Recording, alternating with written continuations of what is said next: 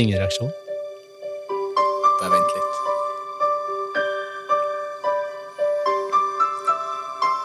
Koselig. Var ikke det deilig, Tommy? Jo, veldig. Vet du hvilken film det er fra? Eh, kan du spille mer? Nei. Ok. eh, jeg har jo, mener jeg har hørt den i en film, ja. Ja. Men eh, nei. Det er en klassiker. Ja. Tom Hanks.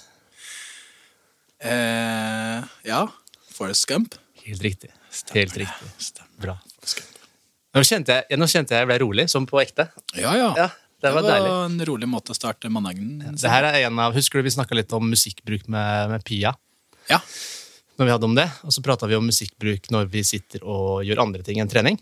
Ja. Ja, Og da bruker jeg vel musikk. Det her er en av de låtene jeg bruker for å klare å konsentrere meg. Eller liksom Oi, oi, oi. roe meg ned, da. For jeg har ikke bare den der eh, her oppe-delen. Ok, bokstavene. Bokstav. Ja, kall det hva du vil.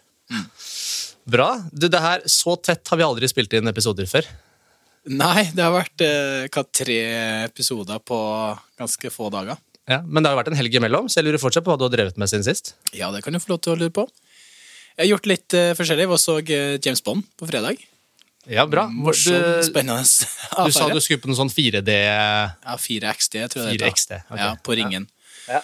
Ringen kino. Og um, vi visste jo ikke helt hva vi gikk til.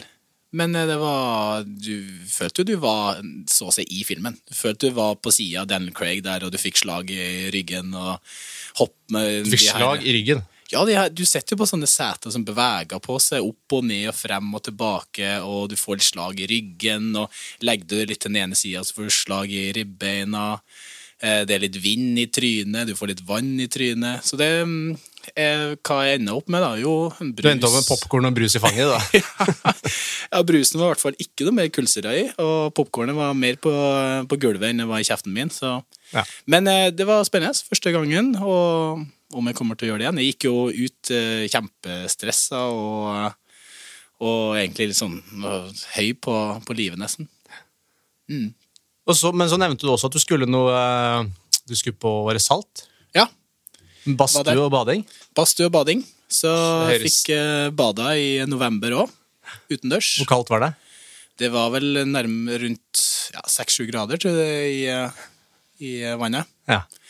Men eh, det, det var jo egentlig bare kos i forhold til å hoppe ut i, i havet i forhold til eh, kaldtvannskupen. Kaldtvannskupen var tre-fire grader. Så den var mye kaldere enn eh, faktisk sjøen. Jeg må bli med på. Jeg har ikke testa det før, faktisk. Nei, men det er en fin kombinasjon det der med Ja, men det med- tror jeg på. Med badstue og bading. Og så var vi med på et rituale inni det ene, og det var, det var litt artige greier. Ja. Kan, kanskje, det en, kanskje det her kan være en sånn rød tråd inn i eh, dagens episode òg? Kanskje det. Vi får se. Kanskje det. Ja. Enn du, da? Det er spennende. ja, det vil jeg si. Jeg har fått en seksåring i hus. Ja. Alle har hatt bursdag. Eh, Så det var gøy. Jo, takk. Jeg skal si det videre. Ja. Ja.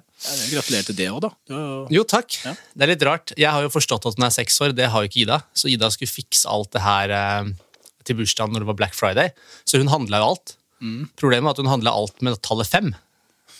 Så vi skulle, jo, ja, alt som vi skulle ha til bursdagen med seks, var da tallet fem. Så jeg måtte gå og bytte litt ting på senteret her med noe kakelys og diverse. Det var jo Ja, men da vet du at tida går fort, da, når du egentlig tror at det er fem, mens Ja. det er seks. Nei, altså, det var stas. Vi hadde familie, eller Hun hadde jentebursdag på lørdag. eh, Og så hadde vi familieparty på søndag. Så det var stor stas.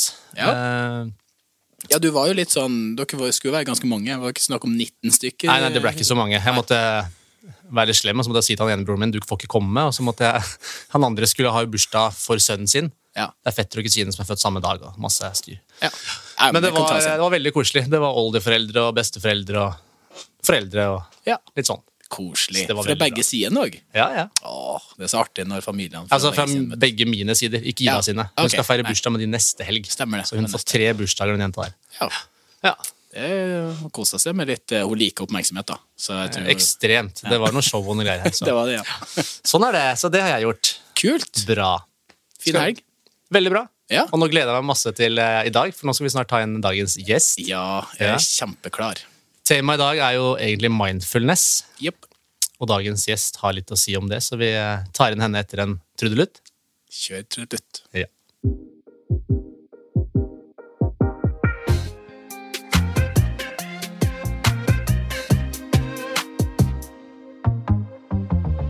Jeg var så usikker på om jeg skulle si noe, like, så skjønte jeg snart nei, dette er en intro uten gjest. Skjønte det. Ja, det er riktig. Det. Det er riktig. Tommy må, Tommy må, må ønske velkommen han, til podkasten vår, for det er noe han gjør hver gang. Så folk vet at vi har starta. Ja, ja vi, vi har jo egentlig starta, men sånn offisielt starta bør vi kanskje gjøre nå. Yes, eh, Hjertelig velkommen til podkasten Litt for personlig trener med Alex og Tommy. Og så har vi en spennende gjest eh, med oss i dag. Silje Trommevirvel. Silje Torstensen. Yay! Yay! Oh, det her blir, det blir artig. Er det, lov å, er det lov å si at jeg er oppriktig veldig veldig glad, Silje?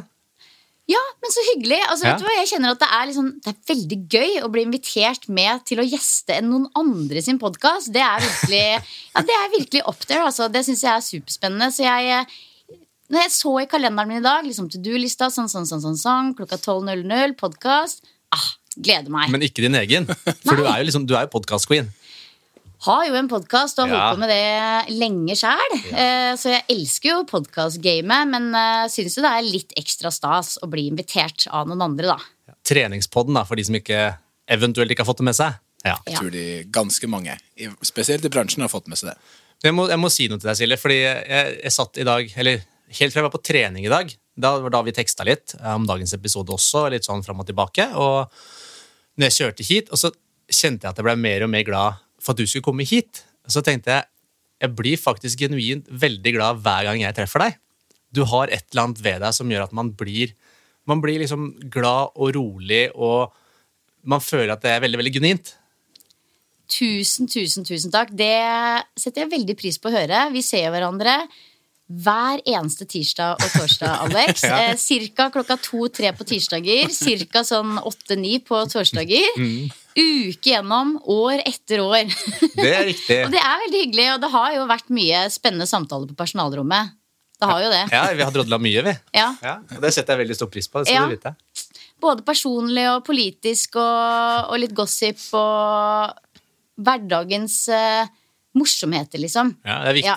Vi er glad i å dele begge to. Ja, det er helt klart. Ja. Så det kan jo passe det formatet her bra, da. Absolutt.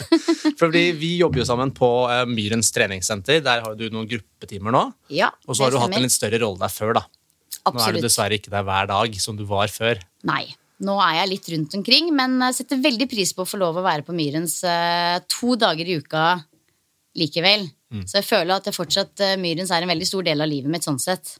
Ja, For du er jo medeier òg, er du ikke det? Jo, det stemmer. Det er jeg også. Og har jo vært på Myrens i veldig mange år. Eh, siden eh, oppstart, vil jeg si. Sånn seks måneder etter oppstart. Så det er liksom meg og Dag Bjørgom og Kristin i resepsjonen og et par stykker da, som liksom har vært der sånn hele veien. Eh, og jeg er en av de. Og det har vært en fantastisk reise. Så bra. Da snakker vi 15 år, gjør vi ikke det? Jo, det stemmer. Nylig nå, faktisk. Ja, ja. 15 år. Og så er, og så er Silje en veldig stor del av Myren sånn rent uh, visuelt òg. Hvis du går inn på Myren og ser til venstre på veggen, så er det et portrett av Silje da hun spilte i uh, en ganske velkjent film. Vet du hvilken det var? Eh, nei. Nei. Okay. Bra du vet noe, du, har liksom ikke da, må, da må vi legge fra oss den. Nei, det er en film som heter Scarface. Uh, for Silje står i en sånn kokainsky eh, når du kommer Ja, inn døra der. Det er det bildet der, ja. Fem meter høyt og tre meter breit. Ja, Sånn. Det var på litt sånn, sånn seint ute på julebordet en gang i 2010 eller noe. Ja. Ja, ja. Det hørtes ut som et bra julebord. Ja. skulle ønske jeg var Men det er veldig gøy, fordi det bildet er jo rett og slett helt gigantisk. eh, Og det er, veldig kult. Ja, det er veldig kult. Og det er eh, ei som heter Ingrid, som jobba i resepsjonen før, som har tatt det bildet. Eh, og det som er litt morsomt, er jo det at veldig mange har sett det bildet, men veldig få vet at det er meg. Mm. Og det er jo egentlig jeg litt glad for, på en måte. Eh, for man ser jo egentlig ikke at det er meg, så langt du kanskje ikke vet det fra før. Men det er et kult bilde, det er det. Ja, nei, du har litt hår som er i veien for eh, ansiktet og sånn der. Ja. Nei, men jeg slenger meg litt med på det som Alex sa i stad. også. Det er alltid trivelig å møte Silje. Jeg vet ikke om ordet er liksom årvåken. Kan jeg liksom alltid litt sånn være til stede, eh, genuint interessert og smilende og blid. Kommer langt med det her i livet, altså. Jo, Gjør det. det kan jeg si meg enig i, og årvåkenhet er jo på en måte Det er jo noe av det man praktiserer med et liv med mindfulness. Det å være litt eh, våken og til stede, rett og slett. Så, og jeg har jo veldig, veldig, veldig stor Altså virkelig sånn stor tro på at eh, det er noe som gjør at jeg har det bedre. Og så har jeg veldig stor tro på at uh, veldig mange andre også kunne fått det kanskje enda bedre hvis de hadde hatt med seg litt av det i egne liv, da. Mm. Ja, for Vi har dratt inn deg i dag for å snakke litt om det her begrepet. da. Mindfulness, og så må vi prøve å spisse litt og liksom definere litt hva det her er. fordi det er som veldig mye annet i både menneskers liv og i den bransjen som vi beveger oss i, treningsbransjen, så er det et begrep som skal vi kalle det har blitt mer og mer populært. Eh, men allikevel så tror jeg det er mange som ikke helt klarer å ta et grep om hva det er for noe. Eh, hvis vi sånn overordna helt sånn først da, skulle sagt noe om mindfulness, hva, hva er det for noe? Altså mindfulness, det ordet og den praksisen, for å si det sånn, det er egentlig et, et litt nyere ord her i Vesten. Eh, og det er også litt ulik definisjon på hva mindfulness er her i Vesten og f.eks. fra buddhismen. Da. Eh, litt likt, noe ulikt. Her i Vesten så er det noe som eh, har blitt veldig veldig stort og populært som de siste 20-30 åra. Eh, og det kan defineres veldig enkelt som et oppmerksomt nærvær. Så helt enkelt det å være oppmerksom med et godt nærvær til en situasjon, et objekt, eh, et annet menneske eh, osv. Så, videre. så det handler om å være til stede, det handler om å være oppmerksom i øyeblikket uten å la seg distrahere. Og dette her er noe som egentlig eh, sta, altså var, altså Mannen bak mindfulness han eh, var en, eh, en lege i USA som eh, starta en eh, klinikk som het Stress, Stress Reduction Clinic. Eh, han het eh, Jon Kabat-Zinn, og han eh, var veldig opptatt av de gamle, gamle teknikkene fra buddhismen. Og han startet da opp et program på den klinikken her som het Mindful Stress Reduction Program, som var et sånt åtteukers eh, behandlingsprogram for egentlig hvermannsen, men kanskje litt spesifikt retta mot de som sleit mye med stress, hverdagslivets utfordringer, men òg litt angst og depresjon. Eh, og så var dette her en kjempesuksess. Altså det ble veldig veldig gode resultater av dette åtteukersprogrammet. Og nå finner man dette eh, Mindfulness Stress Reduction-programmet overalt verden over, også i Norge, i klinisk sammenheng, på universiteter, sykehus osv. Og det han eh, Jon Kabat-Zinn gjorde, sånn helt enkelt, var jo egentlig bare å ta veldig mange gamle gamle teknikker fra buddhismen som har blitt praktisert i mange tusen år, eh, og på en måte moderniserte dem, ga dem eh, litt sånn vestlige navn, gjorde dem litt sånn mer spiselige og moderne, og da blir det jo på en måte enklere for Vesten å ta det imot. Så det er egentlig gamle teknikker som har blitt tatt i bruk i en nyere tid. Så det er han som på en måte introduserte mindfulness for Vesten, og så har det bare på en måte virkelig fått grobunn, da. Eh, både i forhold til terapi, men òg litt sånn for oss vanlige folk. Ja, Du prater litt om det med å være til stede. altså på en måte Det å være et oppmerksomt nærvær, sa du jo. Um, og at det kan være egentlig både med eh, Virker som at det kan være både med andre. altså at vi Kan kan det at vi har en samtale nå, kan det være en del av noe som er en mindfulness, da, eller mindful? Absolutt. Det å være til stede for seg selv og de rundt seg, sånn ekte og til stede, det er jo for, meg, for min del en kjempeviktig verdi. Det er veldig viktig at jeg eh, lever et liv der hvor de rundt meg oppfatter meg som en person som faktisk er interessert mm. og til stede. Og så er det ikke alltid man får det til. Men eh, jeg tror jo at det handler ikke bare om å på en måte gjøre de i sirkelen rundt seg en tjeneste ved å være til stede. Man kjenner jo faktisk også at dette er godt for seg selv. Eh, så absolutt, det å prøve å være til stede i samtaler med barna, for eksempel, da, eh, og kjæreste, venner, kollegaer. Det å faktisk liksom se folk i øya og ta seg litt tid og høre hva folk sier, og lytte, eh, det, det er absolutt et oppmerksomt nærvær. Og der har jo vi en god relasjon, Alex. Vi har alltid litt sånn Vi er genuint interessert i det hverandre har å si, og det gjør jo at vi får mange fine samtaler. Så, men det kan også være veldig mye annet i mindfulness. Blant annet så er jo mindful eating blitt veldig veldig stort. Eh, mange sliter jo med det å regulere matinntak eh, i Vesten fordi det er så enorme mengder av det, og det er mat overalt. Det her-. Ja, men det har jeg tenkt litt på, fordi jeg husker ikke når vi snakka om det her, Tommy, men Men det er typisk sånn eh, Jeg ser med Alva, så, så mener vi skal spise, og ikke det er liksom middag som hun er vant til at da sitter alle sånn hvis hun skal ha et mellommåltid eller et eller annet. Første spørsmål er jo kan jeg se på noe. Ja. Kan jeg, kan jeg bli distrahert med noe annet Ja. samtidig som jeg spiser? på en måte?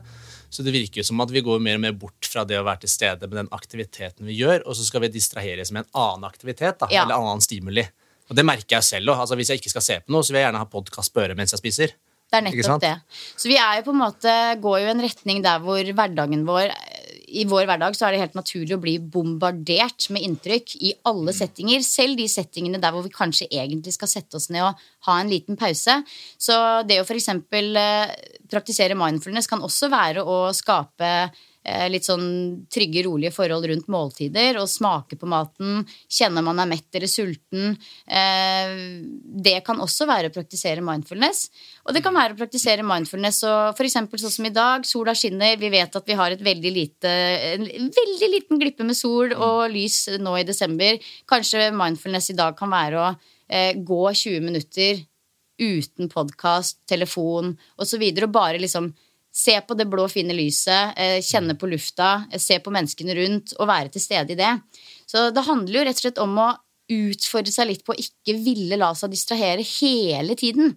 Og det handler jo ikke om at det skal være sånn 24-7, men kanskje man bestemmer seg for at mm, i disse øyeblikkene i løpet av dagen så skal jeg praktisere mindfulness. Kanskje er det i dusjen, kanskje er det i bilen på vei til jobb. Eh, kanskje er det mm, når du skal vekke ungene. Det er det for min del. Det er sånn veldig sånn hellig øyeblikk i min dag. At da har jeg enten trent eller meditert først. Og så skal jeg vekke barna, og da er det med sånn veldig sånn nærvær og ro. At jeg lukter på dem og koser på dem og setter veldig pris på det øyeblikket. Da. Eh, og det er jo på en måte et sånn planlagt mindfulness-øyeblikk. Det kommer ikke ofte av seg sjøl. Eh, da har du lagt til rette på forhånd. Ja. Som du sier, du har meditert, du har trent, du er i rett tilstand til å kunne være der. da. Ja. Og det er et, eh, ja, sånn som man gjør med trening. Man planlegger at da skal jeg trene, da skal jeg være mindful. Og så kan det godt eh, suse og frese og storme rundt meg resten av dagen, men da har jeg i hvert fall hatt ett øyeblikk med mindfulness den dagen. da. Et øyeblikk med oppmerksomt nærvær. Ja, for det handler jo bare om tilstedeværelse, som du snakka om. Og det der er jo litt sånn spennende, da, for vi Bevisst så kan man jo kanskje gjøre og gjøre ulike tiltak og sånne ting, men når at du begynner å få de ubevisste liksom Mobilen ligger på sida av det når du sitter Ja. og spiser, og, og de ubevisste tingene, så veldig ofte så kjenner man seg igjen i det at man bare, bare plukker opp telefonen sånn ubevisst, egentlig bare på reaksjon Ja. eh, uten at man egentlig mente å gjøre det. Og Det er det der som er så, så rart, men da, da gjør ulike tiltak, og sånn som du snakka om nå, med å bruke alle sansene, lukt og smak og hør og Så det Ja, nei, jeg tror det har mye å si. Det tror Jeg tror det har veldig mye å si for det å ha det Om ikke det gjør deg lykkelig, så gjør det deg i hvert fall mer tilfreds. Eh, litt sånn på daglig basis. At det er ikke snakk om veldig store wow-øyeblikk nødvendigvis, men bare det å skape litt grann tilstedeværelse og ro eh, til å ikke liksom Tankene våre er, vi vil jo enten være i fortid, fremtid eller bli distrahert. Men, så det er faktisk ganske utfordrende å begynne med mindfulness også i starten. Så det er fint å bare starte opp med noe helt enkelt. Eh, men eh, så begynner man å sette veldig pris på de øyeblikka, da, og så vil man kanskje også merke etter hvert at ting blir litt sterkere. altså mm. For eksempel luktesansen og alle inntrykkene rundt, og livet blir litt fargerikt og spennende, rett og slett, når man faktisk gidder å legge merke til hva som skjer, da. Den logiske delen av meg vil jo liksom prøve å forstå eh, hva som er forskjellen nå kontra før. da. Altså, fordi at det er jo ikke sånn at når vi mennesker ble kjempa for å overleve og skulle finne mat, og alt dette her, så satte vi oss ned og praktiserte mindfulness og mediterte sånn. Vi, ba, vi fant på det. for- fordi at jeg vil jo tro at du måtte være så mye til stede pga. at fokuset var på å overleve. Ja. Så, så når du fikk en liten escape, så var det egentlig bra, mens i dag, eller fikk en distraksjon, så var det kanskje noe som var sunt. Men at det blir for mye i dag Ja, jeg tror jo veldig på det at uh, Altså, veldig mange har jo praktisert meditasjon og mindfulness i tusenvis av år, men her i Norge tror ikke det har vært så mye fokus på mindfulness her tidligere. Det er jo, kall det et overskuddsfenomen på én måte i, i vestlig verden. Kanskje, jeg vet ikke. Men samtidig så tror jeg at vi har mer behov for det enn noen gang. Fordi vi har nettopp så utrolig mye inntrykk. Vi må på en måte lære oss å regulere og bearbeide alle disse inntrykkene. For vi har jo ikke et eh, uendelig um, Vi har ikke uendelig med kapasitet på uh, oppmerksomhet. Når du bruker den opp på ett sted, så vil du bli sliten. Så det å liksom bli flink til å lære også barna våre til å regulere og, og og ja, regulere oppmerksomheten, rett og slett, og øve seg på oppmerksomhet, men òg liksom eh, nå er det greit å bare kjøre på, og nå er det lurt å trekke litt tilbake og roe ned. Eh, men jeg tror jo også veldig på det at sant, vi har jo tidligere vært et veldig kristent land. Og bønn, salmer, sjanting Altså alt dette her er jo en form for mm. Ikke vet jeg, men kanskje Jo, Men tilstedeværelse? Ja, det er jo altså, absolutt det. Er jo helt klart det. Hvis du er i, i kirka ja. og sånne ting, og du det er klart, det er jo trening på det. Ja, du er jo veldig til stede i bønn, og du er veldig til stede i når du synger, f.eks. salmer eller hva det måtte være. Du er veldig til stede når du forteller eh, historier til barna. Så det er jo også en måte å være til stede på. Mm. Istedenfor at vi nå bare setter på, gir ungen iPaden eller setter på en lydbok, på en måte. Mm. Mm. ja. For vi, vi, er jo så vant til å få det stimuliet. Men det der eh, syns jeg er litt eh, spennende. Så bare prøv å å ikke la seg distrahere. Bare prøv å være litt in the moment, eh, i nuet. Det er absolutt det. Og jeg tror hvis alle liksom tenker seg litt om på de mest sånn De mest litt sånn derre euforiske øyeblikkene man har hatt, så var det jo kanskje ikke i forbindelse med en mobiltelefon eller Instagram eller Det var vel sannsynligvis når du var virkelig til stede i et eller annet veldig kult og stort. Ja, Men det havna um, sikkert på Instagram etterpå. Ja, det gjorde det nok. Og det kan du jo fint gjøre. Jeg er jo for all del, jeg elsker Instagram og finner så mye glede og inspirasjon i Instagram. Men, eh, men eh, at vi lever litt vel mye på Instagram sammenligna med ute in, i IRL, ja, ja. in the real world, det tror jeg nok kanskje også. Ja. Hva, hva, er det som gjorde at du blei så veldig interessert i det her emnet? Eller har du, liksom, har du alltid vært der? Altså, eh, jeg tror sånn det starta eh, sånn litt og litt på ungdomsskolen, faktisk. Der hvor jeg var helt sånn enormt eh, fascinert og et, en ekstrem sånn fan av Alanis Morissette. Ja. Eh, vokalisten eh, dere, ja, dere, kjenner jo Alanis Morissette, åpenbart. Dere er ikke, dere er ikke født i går. Det er på, deres alder, det er på din alder. det er nettopp det. Ja. Nei, så når jeg gikk på ungdomsskolen, så var hun mitt aller største forbilde. Og jeg hørte på hun 24-7, analyserte alle tekster. og på den tida så reiste hun til India og hadde en sånn såkalt spirituell oppvåkning der. Eh, og det kom også veldig tydelig frem i tekstene i ettertid. Eh, og det var der eh, interessen starta for min del. Altså thank you, thank you, India. Ja. Hele den teksten er jo om buddhisme og yoga. Hvis man går litt sånn grundig til verks og analyserer den teksten, og det er jo bare én av mange låter. Eh, så, så det var nok der det starta, selv om jeg ikke forsto det fullt og helt hva det handla om da, så vekka det helt klart en nysgjerrighet i meg. Så det første jeg gjorde når jeg var ferdig på videregående, var jo på en måte å skaffe fire jobber, spare penger og dra til India.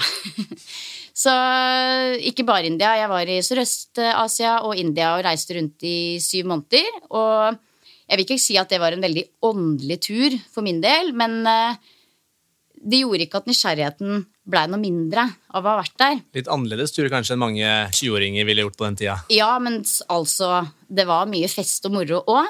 Men det var ja, ja, ja, ja, ja. ja. Men uh, det endte opp med litt uh, ja, med enda mer mat til den nysgjerrigheten, egentlig. Eh, så det blei jo også flere turer. Og, og, jeg prøvde faktisk også yoga for første gang i 2004 på en sånn tur til India. Syns det var helt grusomt. Det var, det var, jeg syns virkelig jeg synes det var så ille. Eh, men tenkte liksom allikevel at jo da, dette passer nok for meg. Så jeg prøvde videre med yoga da jeg flytta til Oslo et år eller to seinere. Husker jeg gikk på ashtanga-yoga med en som het Gjermund nederst på Grünerløkka. Det helt første crunch-lokalet der. Hata det. Eh, og så bare tenkte jeg nei, det er tydeligvis ikke for meg. Men så litt sånn gradvis her på Myrens faktisk, så begynte det å liksom Ok, jeg gikk litt på yoga der, blant annet med en som het Anthony Scott, som underviste hver fredag fra Australia, og det var da jeg Han fikk meg til å på en måte connecte den der pust- og bevegelsesgreia som alle snakka om. Mm. Endelig, når det falt på plass, da var det bare sånn wow, ok, dette er virkelig spennende. Og så bare balla det på seg. Jeg brukte nok ikke så mye tid på yoga som jeg aller helst skulle gjort. Jeg jobba jo 100% Myrens, jobba som PT, jobba som instruktør, men gikk på, på en måte yoga en gang iblant når jeg kunne. Og så eh, bestemte jeg meg for at på et eller annet tidspunkt skal jeg ta en yogalærerutdanning. Og så fikk jeg muligheten til det i 2018. Da reiste jeg og min lille familie, er tobarnsmor og har en, eh, en eh, kjæreste fra Australia. Så vi reiste på ni måneders tur. Og da fikk jeg muligheten til å ta en teacher training. Og etter det så har det bare vært sånn Ja, nå er yoga livet, på en måte. Nå er det yoga, Silje. nå, nå er det det det handler om. Så litt sånn hallelujastemning, men skikkelig, skikkelig, skikkelig gøy. Og jeg kan ikke sette helt fingeren på hvorfor jeg ikke falt for yogaen sånn ordentlig Nei. når jeg var litt yngre. Men jeg tror ikke jeg var moden nok for det heller. Jeg var nok litt, faktisk litt umoden til å ta inn over meg hvor stort yoga egentlig var. Eh, Hører du flere av lignende historier om at eh, man kanskje ikke liker det i starten, og så blir man mer og mer vant til det? Og så handler det om akkurat det samme ellers. Kanskje man ikke bare kan gjøre det en gang hver annen uke eller en gang i måneden, men at man må gjøre det litt kontinuerlig før at man får ser effekten av det, og at man, det her er noe man syns er godt og gøy. Det er nettopp det, og jeg tror jo det er jo få som også liker fysisk trening første, andre, tredje gang de lik, gjør det. De må liksom gjennom noen runder og kjenne på litt effekt, kanskje, faktisk også, eh, for å like det. Så alle som spør meg om yoga, sier jeg liksom du må gå i hvert fall fem ganger før du får lov å bestemme deg for om du liker det eller ikke. På samme måte som med trening og crossfit. Og, ikke sant? Altså, det, er ikke, det, er ikke, lov å bestemme seg til én gang. Eh, og i hvert fall ikke hvis man går inn i det med litt tvil og motstand. Men jeg kjenner veldig igjen det du sier med det, og den modenheten. Ja. Hvis vi hadde sittet i hatt den samtalen her, eh, eller du hadde hatt en samtale med Alex 25, Ja. eh, så hadde jeg tenkt altså, Hun er den som har sett freaken borti hjørnet her. Hun, hun kan finne seg et annet podkaststudio. Nå er jeg brutalt ærlig. ja, ja, ja. Eh, og jeg husker jeg hadde jo noen Jeg husker jeg hadde en, spesielt en venninne som jeg hadde på den tida, som var veldig sånn eh, Veldig sånn hverdagsimponert over alt, og fascinert over hvor grønt treet var på utsida. Ja. Så har du sett så stor måne her i dag? Og jeg tenkte ja, men den månen er der hver forbanna dag. liksom. Altså, Slapp av. Men du er jo Eh, ute og ser litt på månen nå. Det er jeg. Så eh, det tok bare en del tid. Og jeg, det merker jeg at jeg har møtt så mange mennesker opp igjennom. Ja. Jeg møtte blant annet en, en yoga Jeg vet ikke hvordan jeg skal benevne henne, men en som har drevet med yoga i mange mange, mange år. En svensk dame som jobba på Bali, som jeg jobba sammen med da jeg var der og underviste for mange år tilbake. Og vi hadde noen samtaler som var veldig, sånn, veldig spennende, men jeg skjønte ikke helt eh, kjernen av det før noen år seinere. Så da måtte jeg sende en melding og si at Mm. den samtalen vi hadde her, har gjort veldig mye for meg nå. Nå For det, da var det litt for sånn svevende for meg, da.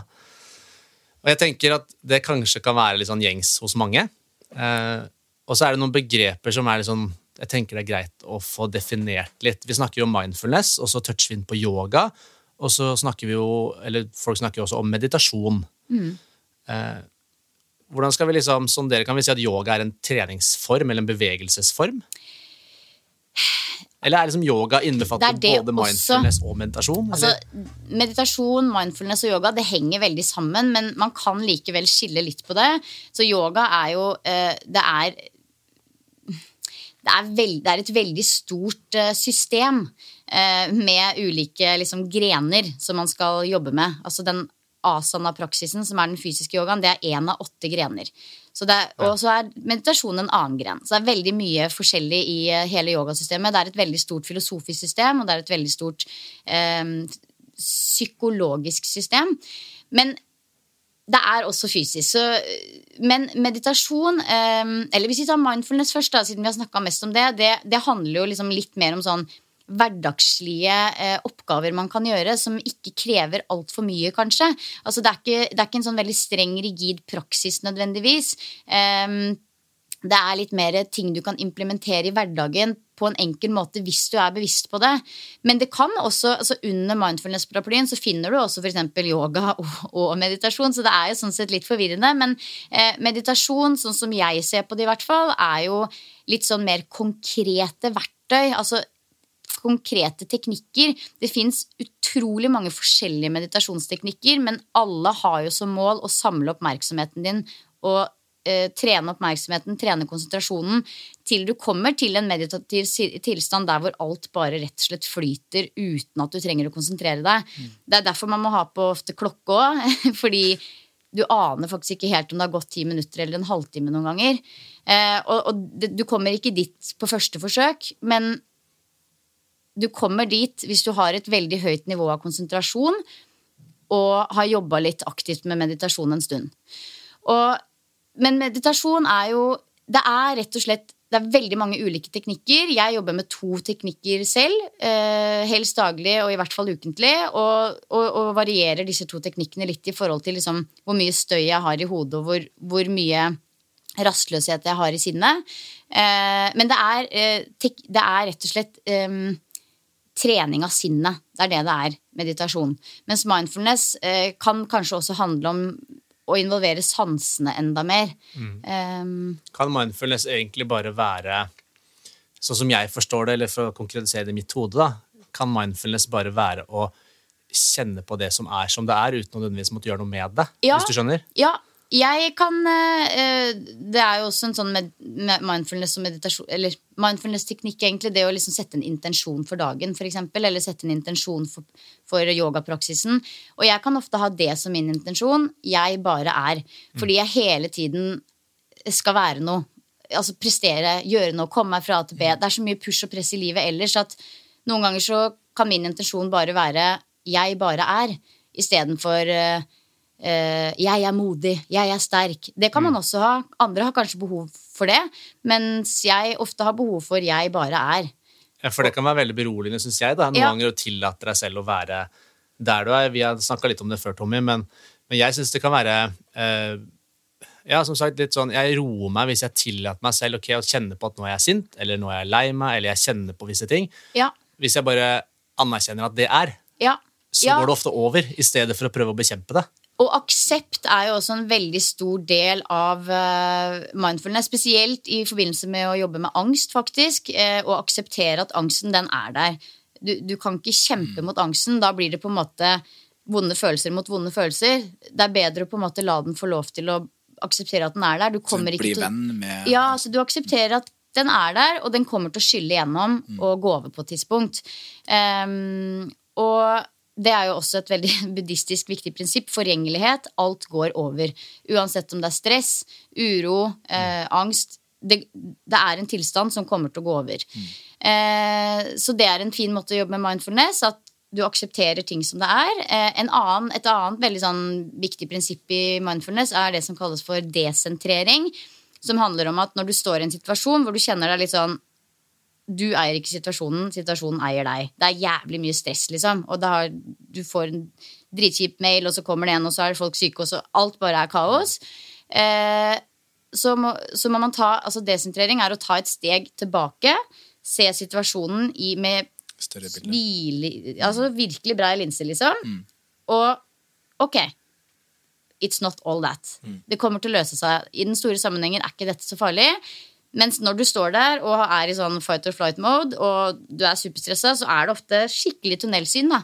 Eh, så det også er jo en veldig fin teknikk å bruke. Ta et steg tilbake når du kjenner at du blir stressa, og se det i et større perspektiv. Ja, det kjenner jeg fra coachingpraksisen òg. Ja, Det kalles det chunky inn og ut da, av liksom bildet, og Ja. se ulike deler. Eh, Men det er veldig interessant, fordi jeg har jo da podkasten Treningspodden med Pia Seberg, som er uh, mentaltrener og har gått til samme kurset som deg. Og vi har jo diskutert veldig mye dette med ulike teknikker i yogaen, ulike teknikker i mindfulness, og det henger veldig sammen. Og det er jo fordi at det er uh, psykologi. Det er jo det det er. For det er jeg sitter mange med tanke jeg, jeg, Du hører jo sikkert at Tom og jeg vi er ganske newbies når det kommer til både yoga, mindfulness og meditasjon, sånn, sånn som de begrepene er. Men jo mer jeg prater med mennesker som Og jeg har en del kunder som, som praktiserer både meditasjon eh, og mindfulness og yoga. Ja. Og jo mer vi diskuterer og prøver å forstå hva de ulike ordene betyr, eh, så ser jeg at jeg praktiserer en del av disse tingene uten å kanskje gjøre det systematisk. Mm. Men hatt plukka opp noen deler her og der som jeg syns funker for meg. da. Mm. Men det jeg hadde lurt på, hadde jeg vært alder 25 nå, for helt tatt gidde å høre på videre, da. ja. Det hadde jo vært, Dette her er jo kjempespennende, og jeg syns det er superinteressant her jeg sitter nå.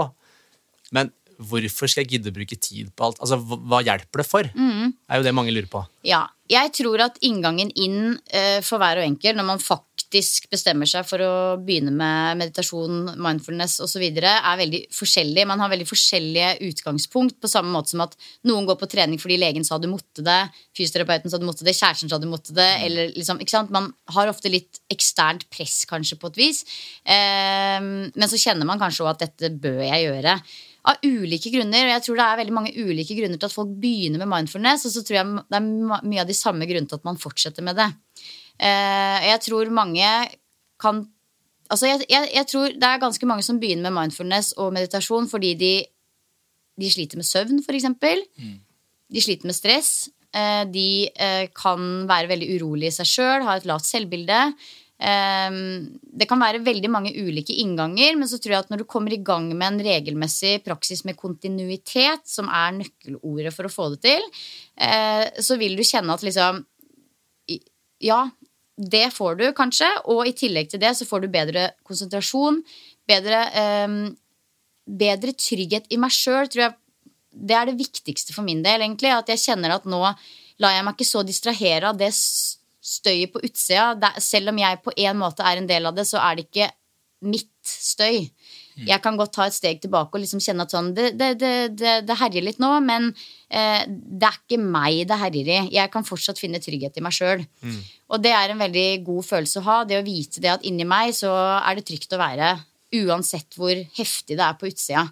Eh, og, og jeg det er ikke alltid jeg føler det sånn. Noen ganger er jeg også superstressa. Du møtte meg jo på personalrommet en gang her i høst hvor jeg knakk helt sammen. For da var var jeg så sliten at jeg visste ikke hvor jeg skulle gjøre av meg. på en måte Men da har jeg i- det minste et bevisst forhold til det, at det skjedde, og at det kom til å skje faktisk også. Jeg bare liksom Ja, for det husker jeg, for jeg spurte Ja. vil du ha en klem, og så sa du nei, da kommer jeg til å begynne å grine. Sa du.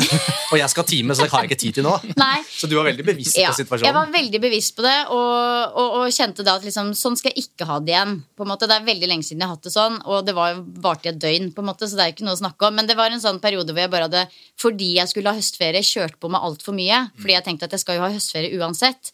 Men eh, du blir jo likevel sliten, da.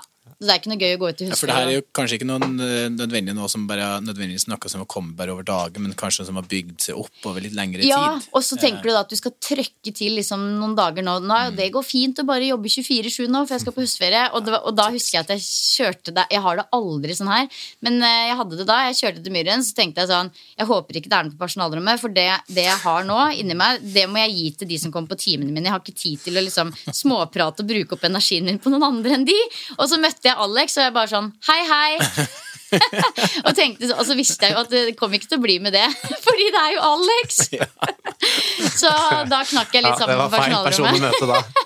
Ja. Men da er du i hvert fall bevisst på det, og du har Ja. sikkert dine, dine verktøy og sånt for å da Ja. ta litt hånd Ja, og så, og så alle må gå på mange smeller for å lære litt ja. hvor mye kapasitet man har. Om, det, er- om man har høy kapasitet, lav kapasitet, middels ulike, sant? ulike deler av livet som krever sitt. Og, ja.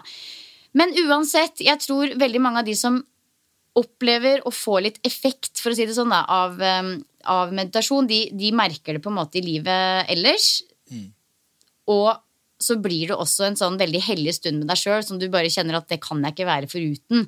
På samme måte som at vi, vi klarer oss ikke uten trening heller. Vi må liksom ha den dosen med trening, vi som gjør det ofte. Så blir det faktisk sånn med meditasjon også at sånn Ingen skal ta fra meg det. Det er viktig for meg. Men én ting som, du, som jeg bemerka meg i det, du sa, det med selvbilde og Mm. Det der syns jeg jo er litt eh, interessant, og jeg vet ikke dine erfaringer med det, men folk som kanskje har litt dårlig selvbilde og praktiserer da mindfulness, så tenker jeg at når du driver med mindfulness, så går du litt mer inn i det sjøl, du begynner å tenke litt, du begynner å bli liksom bevisst på Ja. eh, hvordan tankene dine går både inn og ut av, Mm. av kroppen. Hva, er det da sånn at i starten så Du vil jo bruke mye tid på å tenke og forstå det sjøl. Er det sånn at du da merker at man kanskje har litt sånn dårlige tanker, og etter hvert som man da praktiserer mer og mer og mer, så vil du klare å endre de tankene? Er det sånn det fungerer? Det er litt uh, Ja, eller kanskje mer akseptere dem og ikke dømme dem. Ja. Eh, altså, når man begynner å meditere, si at man mediterer på f.eks. sin egen pust. Da. Det er jo en veldig gammel uh, buddhistisk tradisjon som heter samatha-meditasjon, som er blitt tatt opp igjen i mange ulike former etter hvert her i Vesten også. Det var det, det var det du sa. Jeg hadde glemt hva det het. Ja, jeg prøvde å forklare deg hva jeg hadde gjort på bussen her. Det var samatha. Ja. Ja. Og det er å legge oppmerksomheten i åndedragene. Innpust, utpust, pausen som oppstår derimellom, og ikke minst fornemmelsen som oppstår i kroppen. Eh, og hver gang tankene vandrer, enten én tanke eller havner i et tankemønster, så er på en måte oppgaven å eh, bli oppmerksom på det og vende oppmerksomheten tilbake igjen til pusten. Og det er jobben i starten, og så vil du etter hvert eh, bli veldig rå på å legge merke til når du blir distrahert. Um, og du havner stort sett ikke etter hvert i et tankemønster, men kanskje bare én og én tanke. Og da blir man jo veldig bevisst på hvilke tanker som dukker opp. Og det er mange Det er fem ulike hindre stort sett som folk havner i. Det, er, eh, det kan være, for min del i hvert fall, så er det rastløshet i sinnet. At du veldig gjerne Du har veldig sånn eh, behov for å planlegge ting. Og det sier mye om meg som menneske at jeg er en kontrollfrik. Burde kanskje øve meg på å gi litt slipp. Eh, mens for andre så kan det være døsighet og sløvhet. At de ikke klarer å komme til et nivå med klarhet. De er liksom slakke. Eh, og så kan det være aversjon, at de liksom kjenner sånn at det er vondt å sitte, jeg vil ikke være her. Kjenner liksom på det, det veldig sterkt. Eh, men i dette her så blir du veldig oppmerksom på tankene som dukker opp. Og det som er litt interessant, i hvert fall for min del, er at de tankene som dukker opp, er ofte gjentagende og veldig lite viktige. Og da blir man jo veldig bevisst på shit, jeg bruker så mye tankekapasitet på lite viktige ting når jeg kunne vært til stede i øyeblikket. Så Vel, da må det være å ikke ha noe tanker i det hele tatt, og bare være det, eller? Ikke nødvendigvis, men bli oppmerksom på hver gang eh, du forlater meditasjonsobjektet. Ja. Eh, som kan være da pusten. Det er det blir jo samme som fokuset ditt i trening. da. Så la oss si at du, skal, du holder på med snatchen og er gira på det og satte en ny pers her. Og, Så da har du jo visse ting du er nødt til å fokusere på i oppgaven din.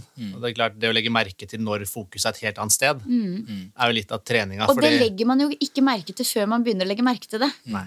Og der er litt, i hvert fall sånn som, sånn som jeg begynte å jobbe med meg selv, da, eh, og sånn jeg jobber med kunder, og nå, er, nå kan jeg spørre deg, for du kan det her sånn skikkelig, men jeg pleier å si det at eh, ikke, ikke legg fokus på å prøve å styre, altså styre tankene, fordi du er jo ikke hva du tenker. Nei. Jeg pleier å si det veldig enkelt, at hvis du skulle sitte i en fyr her med podkasten nå og lest opp alle mine tanker til enhver tid, så hadde jeg vært lagt inn og sp spent fast og Ja.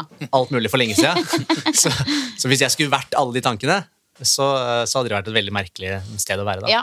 Så jeg tror bare det som du sier, være oppmerksom på det, og kanskje heller etter hvert klare å se betydningen av de, eller hvor lite de betyr.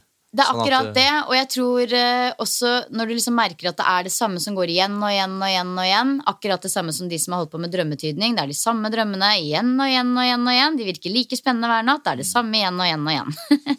Så skjønner man at shit, det er greit å bare gi slipp å være litt til stede. Jeg må ikke ta kontroll over alt og planlegge alt, og selv om jeg fortsatt elsker å planlegge, men da prøver jeg på en måte å være litt bevisst på at nå skal jeg sette meg ned og planlegge, istedenfor at det går sånn i bakhodet hele tida. Veldig slitsomt da, hvis du tenker hva er det man sier, mellom 60 og 80 000 tanker eller sånt i løpet av en dag, og så har man 90-95% av de samme tankene i dag som det vi hadde i går. Ja. Og så skal du prøve å da endre på de, for veldig mange av de er jo da eh, av natur negative. Ja, det er akkurat det. Så det blir veldig tungt arbeid da, hvis vi skal gjøre det.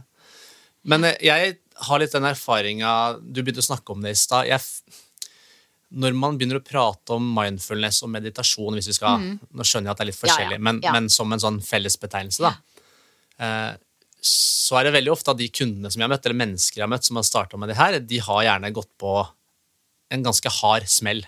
Det, De- det kan stemme. Det brenner litt under ræva på dem, fordi at de føler at de er nødt til å gjøre noe. Jeg har jo liksom kjent på det selv at hvis jeg ikke har problemer med søvn, eller hvis jeg ikke føler meg stressa i hverdagen, eller alle disse tingene, så skal jeg være ekstremt nysgjerrig Ja. på hva er det meditasjon eller mindfulness kunne gjort som var enda bedre for meg, for å legge tid på det. Ja. Helt enig. Og jeg tror det er inngangen for veldig mange. At de rett og slett ikke har noe valg. Eh, på samme måte som med fysisk trening. En person som aldri har trent før, begynner ikke bare å trene fordi man har skikkelig lyst når man er 40. Nei, da må, du ha, da må du ha noe som du virkelig vil Ja. oppnå som trener. Er det en vond ja. rygg eller Ja, men det er ofte det der. ofte det? Ja. Ja. Så, og på, ja, eh, Nei, nei, og på samme måte tror jeg det er litt som du sier, Alex, at det er, det er der det begynner med meditasjon for mange også. At de er veldig stressa, at de sover dårlig. Det er ofte veldig mye det. Mm. Eh, det har det ikke vært for min del, men jeg har på en måte kommet inn en annen inngang, føler jeg. Men eh, for mange er det det. Ja. Ja, Da er vi over på noe som, som jeg syns òg er litt spennende, det med prestasjon. Fordi at Ja. mindful for, eh, for prestasjon er jo òg blitt mer og mer i, i vinden. Jeg følger jo da eh, Bodø-Glimt, eh, som er mitt favorittlag i, i Norge. Og Ja. det, det skjedde jo noe eh, for et par-tre år siden, hvor Kjetil Knutsen fra, fra Bergen, tror jeg, Treneren. Treneren, ja, Viktig å si. eh, Ikke sikkert alle kom, med nei, fotball. kom inn i, i klubben, og her så fikk jo de inn en, en gjeng fra, fra England. eh, Som da var veldig god på det med kosthold og det med fysisk trening osv. Det var jo bare en liten ting. Og når du hører intervju med spillerne, og sånt, så var, var det kanskje 20-30% av det som faktisk eh, gjorde utslaget. Men det de aller fleste tre, spillerne trakk frem, var jo da mindfulness og, og den meditasjonsbiten som de, noen nye kom inn. Og jeg tror det virk, virka som at det blir bare viktigere og viktigere i toppidretten. Og Bodø-Glimt gikk jo fra å være et lag som var litt sånn midt imellom førstedivisjon og tippeligaen, til å faktisk vinne eh, fjorårets sesong. Og er på vei til å vinne årets sesong, og har gjort det ganske bra både i Champions League og i eh, Conference League, Europa League og Conference League. Så det, det, det ligger jo noe der òg. Jeg syns det må være sånn spennende å trekke frem. For det er jo mange som, som driver med prestasjonsidrett og kanskje driver med styrketrening og kondisjonstrening, som tenker nei, det der trenger ikke å gjøre så, gjøre så mye av. Men at det er et veldig fint supplement til det man allerede gjør. Absolutt. Og det også er jo Det legger man jo merke til. Altså sånn raw performance på Lysaker, for eksempel, da, som er liksom PT og de har vel delt seg litt opp nå, da, men PT og mentaltrening, som har veldig store toppidrettsutøvere. På, en, på Olympiatoppen driver de jo også med eh, ja, både avspenningsteknikker og mye visualisering, eh, som er teknikker som som kommer fra mindfulness. Da. Eh, og spesielt det med avspenning har jeg jo veldig troen på at eh, alle de som går på crossfit, og alle som trener mye, og det er mye, når, når det er liksom mye stress og press i livet, og i tillegg man skal prestere på trening og liksom i livet ellers, da.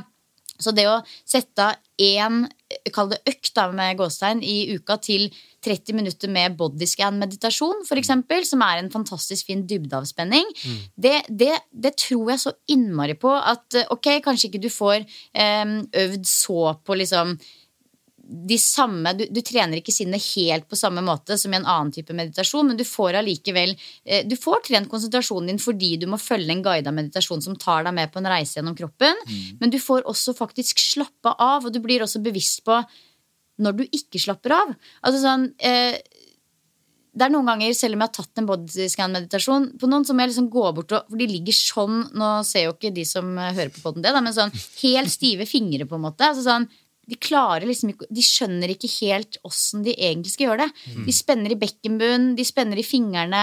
Eh, de ligger med sånn liksom kjempe sånn De klarer ikke å flate ut nakken. Altså Det er så mange sånne ting som Holder inn magen sikkert, ikke Ja. puster ordentlig. Ja. det er veldig mange Man blir veldig oppmerksom på at man er veldig spent.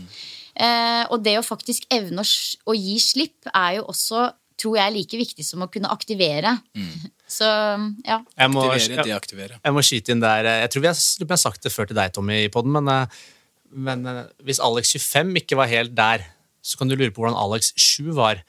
Sju Eh, år. Sju år hadde jeg min første erfaring ja, Da hadde jeg min første erfaring med bodyscan, nemlig. Ja, ja. For vi hadde en lærer på barneskolen som, som gjorde det her med oss. fantastisk. Så han stoppa undervisninga, og så måtte vi legge oss på gulvet. Og så dro han oss gjennom en bodyscan, og vi endte opp med at vi fløy over og så skolen ovenfra. Og til slutt var vi tilbake i kroppen Ja. og landa, og så når vi var ferdig med det, så var vi på en måte klare for skolen igjen. Og ettertid, når man begynner å forstå hva han egentlig gjorde, det var jo veldig kleint. Vi syntes det var litt gøy i starten, og så ble vi litt eldre, syntes vi var kjempekleint. Men vi snakker jo om prestasjon. Det er jo prestasjon på skolen nå. Det Nei, å klare å følge det. med og ha konsentrasjon og skulle lære ting. Eh, så det er jo ganske kult. Og det er, så, Ja. det er Og veldig at- forut sin tid. Det er jo kjempekult. Veldig. Og jeg kom til å tenke på, du sa Bodø-Glimt, men du husker jo Chicago Bulls på 90-tallet, med Phil Jackson som trener. Ja. Leste boka hans. Michael Jordan og Ja, når Michael Jordan og gjengen var på sitt beste. Han brukte veldig mye fra østlige delen av verden og mye mindfulness meditasjonsteknikker med spillerne sine. Ja, det er kjempekult, og jeg har veldig troa på meditasjon med barn, egentlig. Jeg kjører masse sånn kroppsscan-meditasjon på mine på kvelden, og de syns det er superdeilig. Og jeg merker at de blir veldig rolige av det også. Eh, og så kan man jo liksom diskutere om det er like altså Kanskje du bare kunne lest en bok, og de hadde slappa av like greit. Men, men eh, jeg tror det også gjør noe det å bli litt bevisst på sin egen kropp, og også tørre å være sin egen kropp. Veldig mange lever jo fra halsen og opp. De lever så i sitt eget hode. Eh, mens jeg tror vi som jobber med kroppen vår og, og er oppmerksomme på kroppen, vi hører også veldig på kroppens signaler, da. Har vi noe eh, Vi som på en måte er litt interesserte der, vi tar jo alt det her til oss. Jeg syns det er kjempespennende bare å sitte og prate. Ja, ja, ja, jeg er ikke så nøye på hva folk syns rundt der, men, men, men det fins jo de som gjerne vil ha litt bevis. Hvor Ja. er bevisene for at dette her er noe jeg skal bruke tid på? Ja, og det er jo en kjempeviktig diskusjon, fordi jeg tror sånn som alle vi som praktiserer dette her, vi på måte vi trenger ikke noe bevis. Vi har kjent at det funker, skjønner du? Og så driter jeg nesten i om det er ekte eller placebo, fordi jeg, this works for me, liksom. Jeg føler meg bra. Men det er veldig viktig for at dette skal få innpass i Vesten, eh, hos psykologer, hos leger eh, osv., at det kommer litt bevis. Så altså det er jo folk som har praktisert og har egen erfaring med dette her i mange tusen år fra Østen, eh, gjennom buddhismen blant annet. Og eh, de, de har jo på en måte det som kalles førstepersonsvitenskapelige bevis. Altså de har egen erfaring. Eh, mens vi i Vesten må jo ha et tredjepersonsvitenskapelig eh, bevis på at det faktisk funker. Og da snakker vi jo hjerneskanner og celleprøver og ikke sant. Der er vi der. Og det har man jo heldigvis fått, da. Eh, nå veldig mye eh, forskning som har kommet på eh, meditasjon og mindfulness de siste åra. Det er blant annet en amerikansk hjerneforsker som heter Antoine Lutz. Han har også en nettside som man kan søke opp, som har i 2015 tror jeg, publisert en sånn, sånn rammeverk på forskning som er gjort på meditasjon og mindfulness. Og det er jo så stort og mye, men det som er spennende her, er at han, han eh, tok for seg to kategorier, der den ene var eh, open monitoring, altså det som er uh, meditasjon som er litt mer sånn åpent. altså sånn uh, i det som kalles for innsiktsmeditasjon. Studere fenomen, fenomenene som dukker opp, om det er en følelse, en tanke, en fysisk fornemmelse. Og så var det også hva heter det, Jeg husker ikke hva det heter, men en mer sånn eh, smalere eh, form for kategori, som er f.eks. å legge oppmerksomheten i pusten eller et objekt. Et visuelt objekt, f.eks. Eh, og, og det er jo veldig masse som kommer fram i denne rapporten, men blant annet så viser det at eh, det senteret i hjernen som står for oppmerksomheten, altså jeg tror det heter anterior singulate cortex eller noe sånt, dette senteret blir eh, veldig aktivert ved hjelp av eh, meditasjon, og da er det spesielt forska mye på de som har gått på dette eh, Stress Reduction eh, Program, dette Kabat-siden åtteukersprogrammet, de hadde veldig forhøyet aktivitet i det hjerneområdet. Det kan man jo se på hjerneskann. Eh, og kanskje enda spennende, mer spennende, så kan man se at de personene som har praktisert meditasjon lenge, de har ikke bare økt aktivitet, men et større område i hjernen. Så det som kalles for eh, altså, hjerneplastisitet, altså når hjernen former seg etter det den blir brukt til. Og dette området er jo da større hos disse menneskene, og det kommer til å være større for alltid. Og det her er jo det området som er underaktivert, f.eks. hos mennesker med ADHD. Eh, og jeg sier ikke at man skal kutte medisiner og bare meditere, men man kunne jo f.eks. gjort begge deler. Eh, og så er det også en del forskning som viser at det senteret som står for litt sånn dagdrømming og grubling, eh, det blir svekket av meditasjon. Så, og det her er jo noe som folk med depresjon sliter veldig mye med. Det er sånn grubling, grubling, grubling, grubling. Veldig negativ indre dialog. Og ved å praktisere f.eks. da open monitoring, altså litt sånn åpen innsiktsmeditasjon, så får du dempa det senteret. Og ved å praktisere mer sånn focused attention-meditasjon, altså legge oppmerksomheten på ett sted, så svekker du det området helt. Så det er jo eh, Det er bare to eksempler, men det, da kan man si at man kan bruke meditasjon både til å eh, trene oppmerksomheten og å svekke den indre eh, skravlegåsa som veldig mange sliter med. Mm. Mm. Eh, og dette her er jo altså hvis man er, Jeg syns jo, for å være helt ærlig, det er skikkelig kjedelig da, å lese sånne lange forskningsartikler. Men eh, hvis noen er interessert i det, så kan man gå inn og lese den. Den ligger på nettsida hans, tror jeg. Antoine Lutz. Eh, og eh, det fins også mye annet. Jeg liker veldig godt når folk er sånn snille og greie og bare legger ut sånn samla sånn mm. Nå har jeg lest denne forskningsartikkelen. Den sier det, det, det og det og det. Den er god. Takk skal du ha. Men det er sikkert ja. noen som har lyst til å gå inn og se hva de kan finne Absolutt. av eh, feil i forskninga. Ja, man, treng, man, trenger jo de menneskene òg. Så det er viktig. Så jeg, eh, jeg, er jo veldig glad for det. Men jeg sier at man liksom ikke bare står og snakker om noe man ikke er helt sikker på. Mm. Fordi det er jo veldig fint å kunne Og, og det er jo også veldig viktig å skille mellom eh, religion, overtro, spiritualitet. Det henger kanskje litt sammen, men ikke, ikke fullt og helt. Eh, altså det er, det er mye i den verden som er humbug det er, det er, sånn som med alle bransjer, så vil man tjene penger og, og gjøre dirty business, liksom. Eh, på samme måte som at noen lager sånne sjuke rumpeprogram eh, i treningsverden og Ja, du vet. Nei, jeg har aldri sett. Nei. Nei. Så, så, så, selvsagt så vil det være mye rart i den spirituelle verden, men jeg tror ikke man skal være så redd for det som er spirituelt. Fordi dette er jo litt spirituelt. Men for meg så handler det egentlig om å bare bli litt bedre kjent med et dypere lag i meg sjøl, som jeg ikke kjenner på sånn ellers. Og så tror jo jeg veldig på det at det som er spirituelt nå, og ikke forskningsbasert, det vil kanskje være forskningsbasert om 100 år. Mm. Man forsker jo veldig ofte på ting som, som man har erfart at har en eller annen effekt, og så vil man finne ut hvorfor, eller vil man se er det, kan vi gjenta det, kan vi reprodusere det igjen, de samme resultatene. Ja. Eh, så derfor er det ofte mange ting som ligger foran forskningen. Så det, mm. det er litt ja. sånn her som veldig mye annet at hvis du er litt sånn nysgjerrig og litt usikker på om det er for deg, kan du ikke teste det ut og gjøre det litt over tid. Ja. Og der liker jeg veldig godt eh, Vi hadde jo besøk av Dan John, som er en eh, amerikansk coach og prest. Eh, han er nå over 60 år. Vi har hatt besøk av han i AFPT. Og når han stod og prata, så prata han litt om metoder, og det var fysisk trening. Han trener en del idrettsutøvere som konkurrerer på høyt nivå i USA. Og så fikk han en del på pukkelen for at han hadde litt sånn utradisjonelle metoder på hvordan han trente. For det var ikke det forskninga viste, at det var ikke sånn man skulle mm. gjøre det. Og da var han sånn, så sa han veldig tydelig sånn Men hvis de løper fortere, så har jeg rett. Ja. Og hvis de hopper høyere, så har jeg rett. Og de løper fortere og hopper høyere, ergo jeg har rett. Ja. Det var hans. Så han sa hvis det funker, mm. kom med alt du vil av kritikk på at ikke jeg har forskning på det, men det funker. Ja. Det er jo ikke alt som er like enkelt å forske på, og det ser vi jo òg i, i, min, eller innenfor behandlingsbransjen. Og der har det jo heldigvis skjedd ganske mye eh, de siste årene, og mye utvikling. og jeg syns det er bra med utvikling. Jeg syns det er bra at det skjer noe, at vi kommer til noe nytt. Men mm.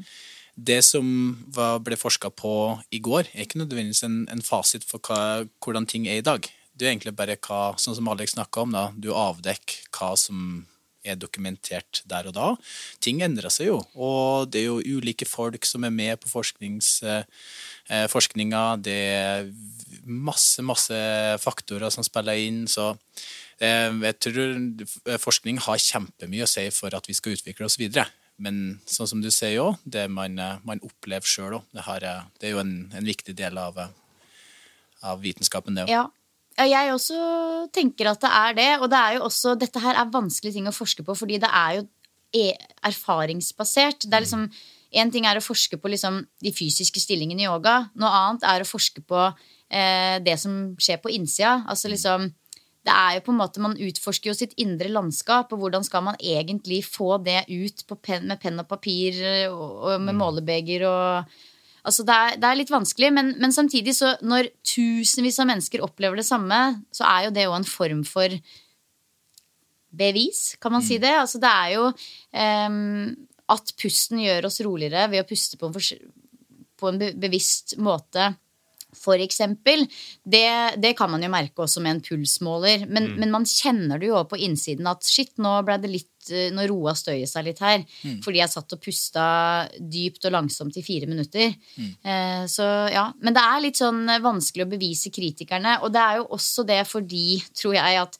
det er litt mye kanskje litt sånn rart i den verdenen her. Eh, hvis man Ja. Og så må vi snakke om altså, ja, Hvis vi bare skal dra igjen det litt òg, at eh, både placebo og nocebo, altså hva man tror på og ikke tror på, har så stor effekt. ja.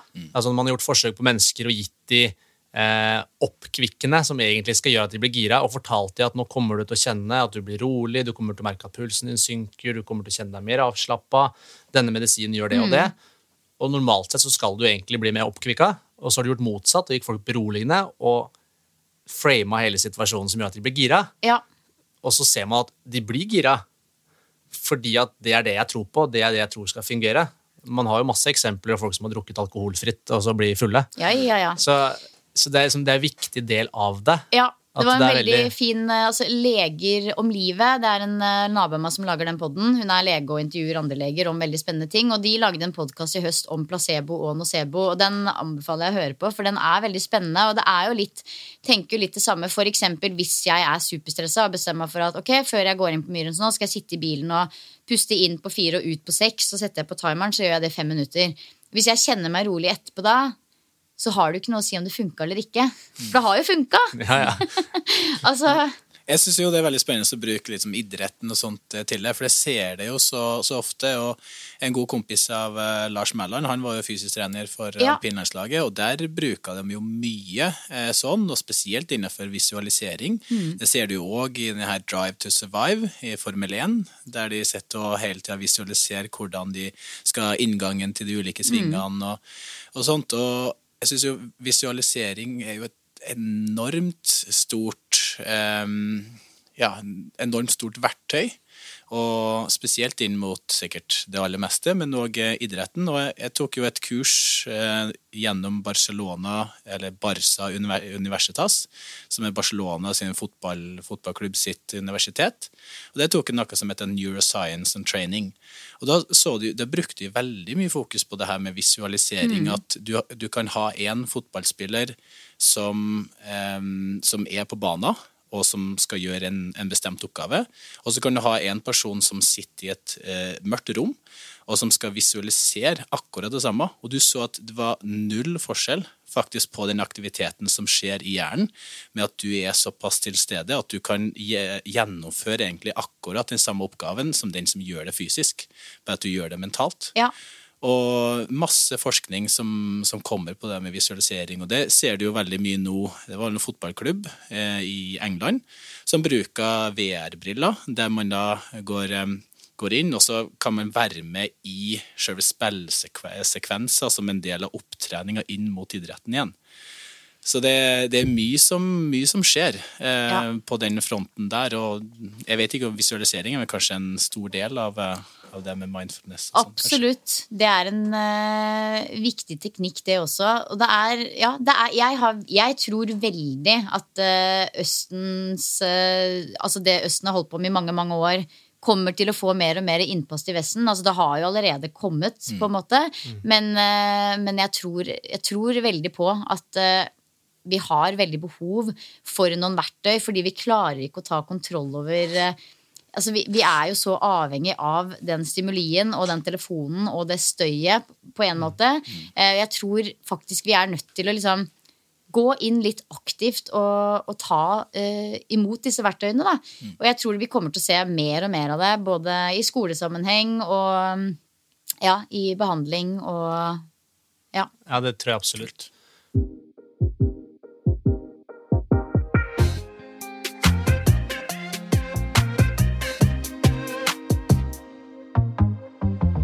Vi har en annonsør, Tommy. Ja, vi har jo en eh, samarbeidspartner eh, på den episoden her, og det er jo veldig trivelig. Ja, og den eh, samarbeidspartneren er nå omslynga både dine tighte legger, lår og rumpe, og heter Da for Lululemon. Det er riktig. Og det må jo være i hvert fall ditt favorittmerke, og det begynner å bli mitt favorittmerke òg. Oi, gjør du det? Ja, helt klart. Jeg, jo, jeg kjøpte meg en Lululemon-bukse var det var jeg fjor sommer. Eh, etter jeg har hørt mye, mye fra deg, da, mye mas om det der merket her. Jeg visste jo ikke hva det var engang. Nei. Men eh, den buksa som jeg kjøpte da, den har jeg brukt på jobb. Den har jeg brukt på en måte til kall det vanlige fritidsaktiviteter, og jeg har brukt den til litt finere ting. Ja. Så den er veldig sånn allsidig og veldig behagelig, som er det viktigste for meg, er komfort. Ja. Og det, det er jo blitt det for meg òg. Før så gikk jeg jo litt sånn her Litt trangere jeans og litt sånt, mens nå så er det litt det er komfort. Og at det, sånn som du sier nå, da, allsidigheten. Det er jo skikkelig, skikkelig deilig å ha noe som ser fresht ut, men som òg oppleves fresht. Ja, fordi det viktigste med de buksene som vi har, er at det er jo stretch, og så ser de veldig kline og fine ut. Ja, så Det er jo ikke bare snakk om bukse, og sånt, men det er jo overdeler i form av T-skjorte. Og, og vi har jo et lite samarbeid med de på, på Crossfit Sagen nå, og vi har jo uniformer derifra. Så jeg får jo virkelig testa, merket, og eh, veldig god kvalitet. Og det er kanskje det som er eh, som er viktigst eh, for meg. Jeg kjenner at det kjennes bra ut på kroppen, i tillegg til at du har det lang, lang tid. Jeg har jo fortsatt shortsa fra liksom, tilbake til 2015. Så det, og det, de ser helt nye og, og fresh ut. Og så er det veldig enkle, simple farger, eh, i tillegg til at det er både treningsklær og, og sånn hverdagsklær. Så jeg, jeg går i stedet for å gå på alt mulig andre sjapper når jeg på, på shopping rundt om i Europa eller ute i den store verden, så prøver jeg å søke opp om det er noe lømmen i nærheten, og så kommer jeg alltid med et par poser derifra. Og Ja, ofte blitt, flere eh, poser derifra enn fra andre plasser. Ja, det har blitt, det har blitt reisetøyet mitt nå. Ja, det er skikkelig, skikkelig deilig. Både treningsmessig og lukta ingenting, og som helt fint og fresht etter, etter vask. Og det ofte det ser på veldig mange merker, at du, du mister litt av uh, fasongen når du har vaska det en del og fått trent en del i det. Men det skjer eh, absolutt ingenting. Og det, så det er digg. Eh, Kosta bitte litt mer, men er så verdt Holder lenge. å holde lenge. Så det er absolutt verdt det. Og så har vi jo da eh, gjennom de et tilbud til alle lytterne våre. Ja. Og hva er det, Tommy? Vi eh, har jo vært så heldige og fått en, eh, en rabattkode. Og den her er jo er rabattkode som, som gjelder for 20% rabatt i butikk, så da merk kun i butikk, eh, hvor du da får 20% på det du kjøper ved å bruke koden Tommy Alexander 20. Eh, og det er som sagt i, i butikk. 20% Tommy Alexander 20, og så er det da 10. desember. Så fredag 10. desember. Det er den dagen eh, det her rabattkoden gjelder. Så eh, hva skal vi si om det, Alex? Er det egentlig- egentlig bare å løpe og kjøpe? Det er no-brainer. Ja. Ja. Jeg, vil ta, jeg vil ta satse på det tilbudet. Absolutt. Så sjekk det ut.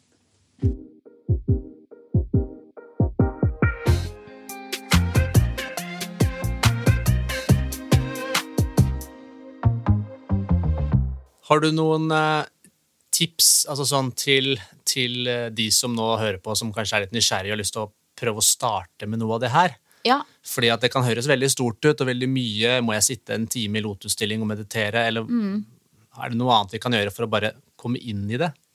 Jeg tenker jo akkurat det med mindfulness i hverdagen, eh, det, det tenker jeg at alle kan få til. Den oppmerksomhetsdelen Ja. du prater om? Ja. At man f.eks. bestemmer seg for at f.eks. for eksempel noe du gjør daglig, da, hver gang jeg dusjer, så skal jeg ha et oppmerksomt nærvær i dusjen. Hver gang jeg går til jobb, så skal jeg være oppmerksom til det som foregår, eh, uten å ha på noe på øret eller eh, planlegge eller, eh, eller kverne på noe som har skjedd i fortida. Altså et, En eller annen situasjon, om det er to minutter eller 20 minutter, som du kan prøve å være fullt og helt til stede.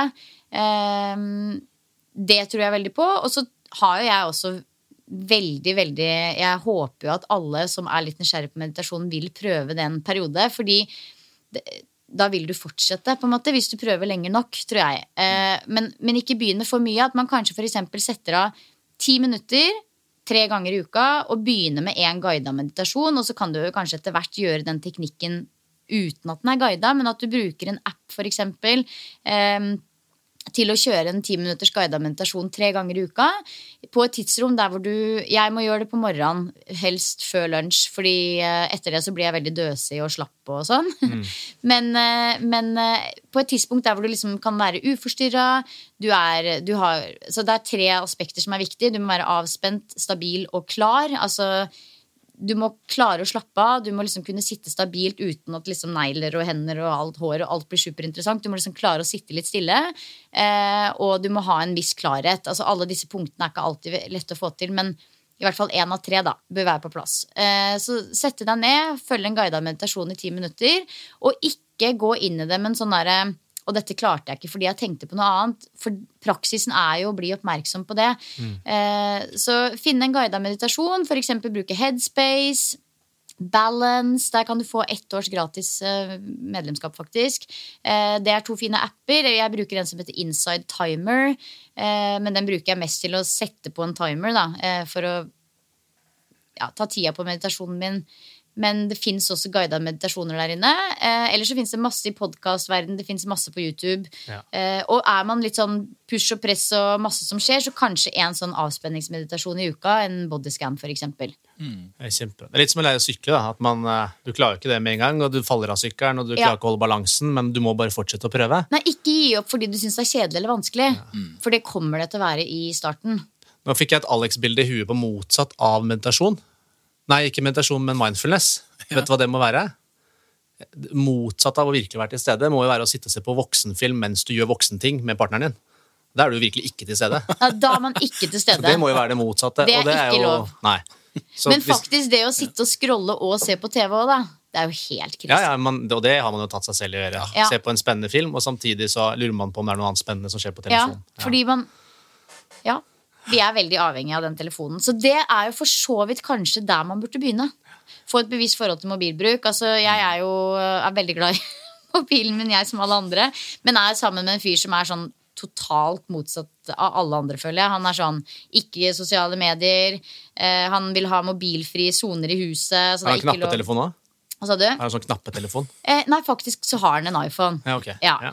Men han, han er veldig opptatt av det at den skal ligge der og der i det og det tidsrom. Og ikke ha den på soverommet. Aldri, liksom. Legge til rette miljøet må jo Ja. ha veldig mye å si. Og det er mye mindfulness i det, for da vil du jo automatisk, ved å ha én eller to mobilfrie soner i huset, ha noen tidspunkter i løpet av døgnet hvor du er i hvert fall til stede med partneren din. da. Det er det beste med å jobbe som PT, føler jeg. At for det første ligger mobilen på bakrommet. Ja. Ja. ikke noe Enser jo ikke hva som skjer der, og så er du veldig til stede. Selv om du er da ikke bare med deg selv, du er med en annen person, men du Ja. er veldig til stede der og da. Jeg eh, ser at du er det. Og det er så bra å se. For det, det å være til stede i jobben sin også Det er jo folk som går rundt som PT og scroller på telefonen underveis òg. Det ser jo uproft ut. det må man være ærlig og kunne si. Ja. Har du noen treningsspørsmål til Silje, Tommy, sånn på tampen? Treningsspørsmål, ja. Ja. Skal jeg svare dere på treningsspørsmål? Det elsker jeg. Ja, men det er jo, det er jo personlige treningsspørsmål. da, Tommy har noe han stiller til alle Ja. våre gjester. Oh, ja! Ja, så vi er ute etter eh, to, så topp to, topp tre, litt sånn avhengig av eh, hvor mange du vil ta med. Eh, beste og verste treningsøvelser eller aktiviteter. Så det bruker vi å spørre våre eh, gjester om, da. Jeg vet hvem den verste er. Okay. Og det er Det er trist og fælt, men det er markløft. det er Markløft, ja. Hater den. Ja. Hater den. Hvorfor det? Så den orker jeg ikke. Den har jeg lagt på hylla. Ja, Er det en, grunn, en spesiell grunn til det? Jeg bare, alle andre løfter så sinnssykt tungt, og jeg bare pff, orker ikke å stå Men du har jo og tidenes vakreste knebøy, da. Ja, jeg har en fin knebøy, Mm. eh, så den, den jobber jeg med to ganger i uka. eh, så det er vel den hatøvelsen min. Så hadde, jeg hadde en til, og det var eh, dips. Men så ble jeg litt utfordra av Johanna, som trener på CrossFiten og jobber på Myrens her i vår, om at eh, fader, du må jo jobbe med dips. Du har jo god mobilitet i albu... Nei, i albuen. I, I skulderen og alt som er. Så kjør på. Så har jeg, og nå er jeg på. Jeg begynte i vår. Tok min første i vår. Syv. Bra! Syv repetisjoner. Det er nydelig. Så nå er dips ikke lenger en er hat, men en elsk. Um, Ja, det så er stor progresjon. Ja, veldig. Ja, det er det. Er det. Jeg vet. det må jeg lov å skryte litt. Ja, det er viktig, altså. Ja, eh, nei, og så elsker jeg jo egentlig alle mulige knebøyvarianter. da. Pistol squats, vanlig knebøy, dype knebøy. Der forsvant liket til det Silje jeg har, for å si det sånn. Ja. Eh, ja, så det må vel kanskje være altså, tradisjonelle treningsøvelser. Så tror jeg det er Der, der er vi der. Der er jeg likere Pia før hun satte i gang med Pistols-prosjektet sitt, da, som jeg Ja. så hun drev med. Ja, hun prøver seg der. Ja. Ja. Ja, for du spretter opp og ned en pistolskvatt som ingenting, du. Ja, men det, kan jeg, det er takket være den reisen min, blant annet. At jeg måtte finne litt sånn Mulig jeg skal til til India, jeg utgaver. òg. Ja, Ja. det anbefales. Så Men det, jeg føler mange som lurer på det med, med søvn og sånt. Mm. Hva kan du anbefale for de som sånn type meditasjon eller mindfulness for de som sliter litt med søvn? Har Ja. du noen sånn spesifikke tips på det? Der har jeg masse gode tips. Og det er først og fremst, og det er jo, man må begynne der man helst ikke vil begynne, og det er jo god søvnhygiene. Altså de, den siste timen eller helst to før kvelden. At man man vil ikke høre det, men kanskje prøver å unngå for, for mye skjerm. I hvert fall skru på den gule etter klokka 20.00 eller 19.00 på telefonen. sitte med oransje briller, som jeg gjør. Ja, for eksempel det. Så det, det med skjerm er jo altså det, det ene liksom hjernen vet at er tegn på lys, det er lys. Altså tegn på at nå skal vi være våkne, det er lys. Så derfor så er det ikke smart å sitte og glo inn i blått lys nødvendigvis. Men det vet alle, men jeg må likevel si det, fordi folk er sånn 'jeg sliter så med søvn', og så ligger de og scroller på senga. Så det er viktig. Eh, altså jeg pleier å Jeg ser på 21-nyhetene, og da pleier jeg ofte å liksom ligge, og, eh, ligge på gulvet og liksom ligge i en yin-posisjon, ligge med sånn stropp og tøyer og holde på. Jeg syns det er veldig sånn avslappende. Eh, hvis det er en dag med veldig mye støy, så legger jeg meg etter nyhetene med beina opp etter veggen. og bare puste litt. Um, men hvis jeg kjenner at i kveld går det fint å sove, så gjør jeg ikke det. Men det er jo alt dette her med å tilrettelegge for god søvn. Skjerm er kanskje viktigst. Roe litt ned. Ikke sjekke mail og telefonen sånn rett før man skal legge hodet på puta. Skrive ned alt du tror og mistenker du kan ligge og kverne på. Eh, Så hvis det er noe som er unnagjort, få det ned på penn og papir, sånn at du kan legge deg på hodet på puta og tenke sånn Det tar jeg fram i morgen. Jeg kommer ikke til å glemme det, for jeg har skrevet det ned. Eh, Og når du ligger der og kjenner at det er vanskelig å sovne, så er mitt største triks her, og det fungerer superbra på min, for min del, det er å prøve å få oppmerksomheten vekk fra hodet og legge den for eksempel enten ned i magen eller i føttene. Så ligge og kjenne på kanskje først litt på magen, at den er avspent, at du kjenner at den beveger seg opp og ned i takt med pusten. Og så kanskje fjerne fokuset enda lenger vekk fra tankene og helt ned i føttene. Der skjer det ingenting. I magen skjer det jo noe, men i føttene er det liksom bare helt stillhet. Det er så digg. Jeg kjenner at føttene er tunge. Ja, Så det å legge oppmerksomheten i føttene, det er et fint tips sånn på kvelden når du ligger der og ikke får sove. Eh, men jeg tror jo det er, det er, man, man leiter ofte etter mye svar når det er en elefant i rommet, og det er den skjermen. Det, det, det jeg får helt sånn vondt i magen når jeg vet at folk begynner på uh, søvnmedikamenter før de har prøvd å kutte skjerm. På en måte. Fordi jeg, jeg kan være i et rolig modus, og så gjør jeg noe på telefonen som gjør at jeg blir veldig oppgira, og da var det ødelagt, på en måte. Så um, jeg tror vi alle sånn innerst inne kanskje vet at det er det første stedet å begynne, og så kan man gjøre mye Du annet tenker at man skal gå litt internt da, i kroppen når man på en måte har lagt seg, og på Ja. en måte bare fokus på som du sier da, på føtter eller på mage eller på pust. Jeg har jo gitt den oppgaven til noen kunder av meg. Bare de skal ligge sånn som du har gjort i bilen. Ja. Fire sekunder inn, fire sekunder ut. Ja. Så er det veldig gøy. Kommer de på trening en uke etterpå, og så spør jeg sånn Ja, hvordan, hvordan har det gått siste uka med, med pustinga og sånn? Eh, og så er det noen som blir flaue. ja. Og så er de sånn Jeg har ikke helt fått det til. Og så tenker jeg sånn ja, hva, hva mener du med det? Jeg skjønner jo ikke hva det betyr. Nei, jeg sovna. Å ja, men det er jo helt bare- fantastisk. Perfekt! Altså, det var hele poenget. Ja, kjempebra. så jeg tror ikke jeg klarte det like lenge som eh, du. Og det- var på en måte det som var jeg ville se om skjedde. Ikke sant? Det Og det er jo sånn, jeg vet ikke om dere hørte det fra deres foreldre, det med å telle sauer. Jo. Det er jo en form for meditasjon, Ja, ja, òg. Du ser den ene sauen hoppe over gjerdet etter den andre. Det er jo meditasjon. Jeg leste fuglebok, jeg. Ja, Ja, jeg syns det var veldig kjedelig, så da sovna jeg. ja, perfekt. Jeg tenker det er jo ingenting som er bedre enn det. Så nei, det er jo Ja, det er mange fine teknikker, men jeg tror Altså, det er så eh, det er jo et så liksom, Det er liksom grunnlaget, liksom helt sånn basen for god helse, både fysisk og psykisk og alt som er. Det å ha god søvn. Så det er jo et sted, viktig sted å begynne hvis man skal bruke mindfulness til noe, da. Godt tips. Kult. Mm. Kjempebra. Mange gode tips. Vi setter igjen med litt eh, greier her, Alex, gjør vi ikke det? Masse. Og Ja. eh, Skal, vi, skal vi prøve oss? om vi skal prøve oss, ja. Altså, Ja. dere to burde jo det. Jeg gjør jo noe av dette her fra før. Jeg får litt sånn kjeft fra Ida innimellom. Eller ja, nå legger hun seg ofte litt før meg. Men hvis vi har lagt oss samtidig, og jeg kjenner at jeg er litt urolig, så pleier jeg ofte å ligge liksom bare puste sånn rolig. Og da får jeg beskjed om at jeg puster altfor høyt.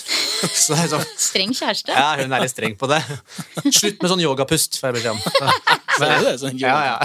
Altså, Kjæresten min driver jo på med sånn Wim Hoff-breathing. Å, ja, okay, ja. Å, herregud, det er så mye pusting at det hjelper. Men han går inn på rommet til ungene og lokker liksom, Det er sånn Få den døra igjen, liksom. For det er, da snakker vi høylyttspust. Ja, da puster jeg ordentlig. Jeg er ute og tar seg litt bad her og der Ja, også, i tillegg. året rundt. Ja, ja, ja. Så Spennende. han er veldig opptatt av det. Nei, jeg tenker at eh, vi må jo, Det vi kan ta med oss, i hvert fall som jeg kommer til å fortsette og kanskje være enda mer oppmerksom på, da, er jo litt det der med å være bare til stede uten Og da tenker jeg spesielt på ting som alltid dukker opp, altså telefon, skjerm. Ja. Kunne vært til stede her og nå uten å nødvendigvis måtte ta opp det. Kanskje man kan gå på Eh, trening uten telefon? Ja, for det er en ting, dette har ikke vi snakka så mye om, Mm. men det um, er også triks dersom du skal lære deg å like trening. Ja, For det vi ofte gjør, er å ta ting vi ikke liker, og så distraherer vi oss bort fra det. Mm. Og så tenker vi at da skal jeg begynne å like det. Men det man gjør, er at selve dopaminutskillelsen fra Ja. aktiviteten i seg selv blir mindre. Fordi du er avhengig av musikk, du er avhengig av koffein, du er avhengig av alt mulig annet for Mm. Ja. å klare å få til selve treninga. Da. Eh, så ja.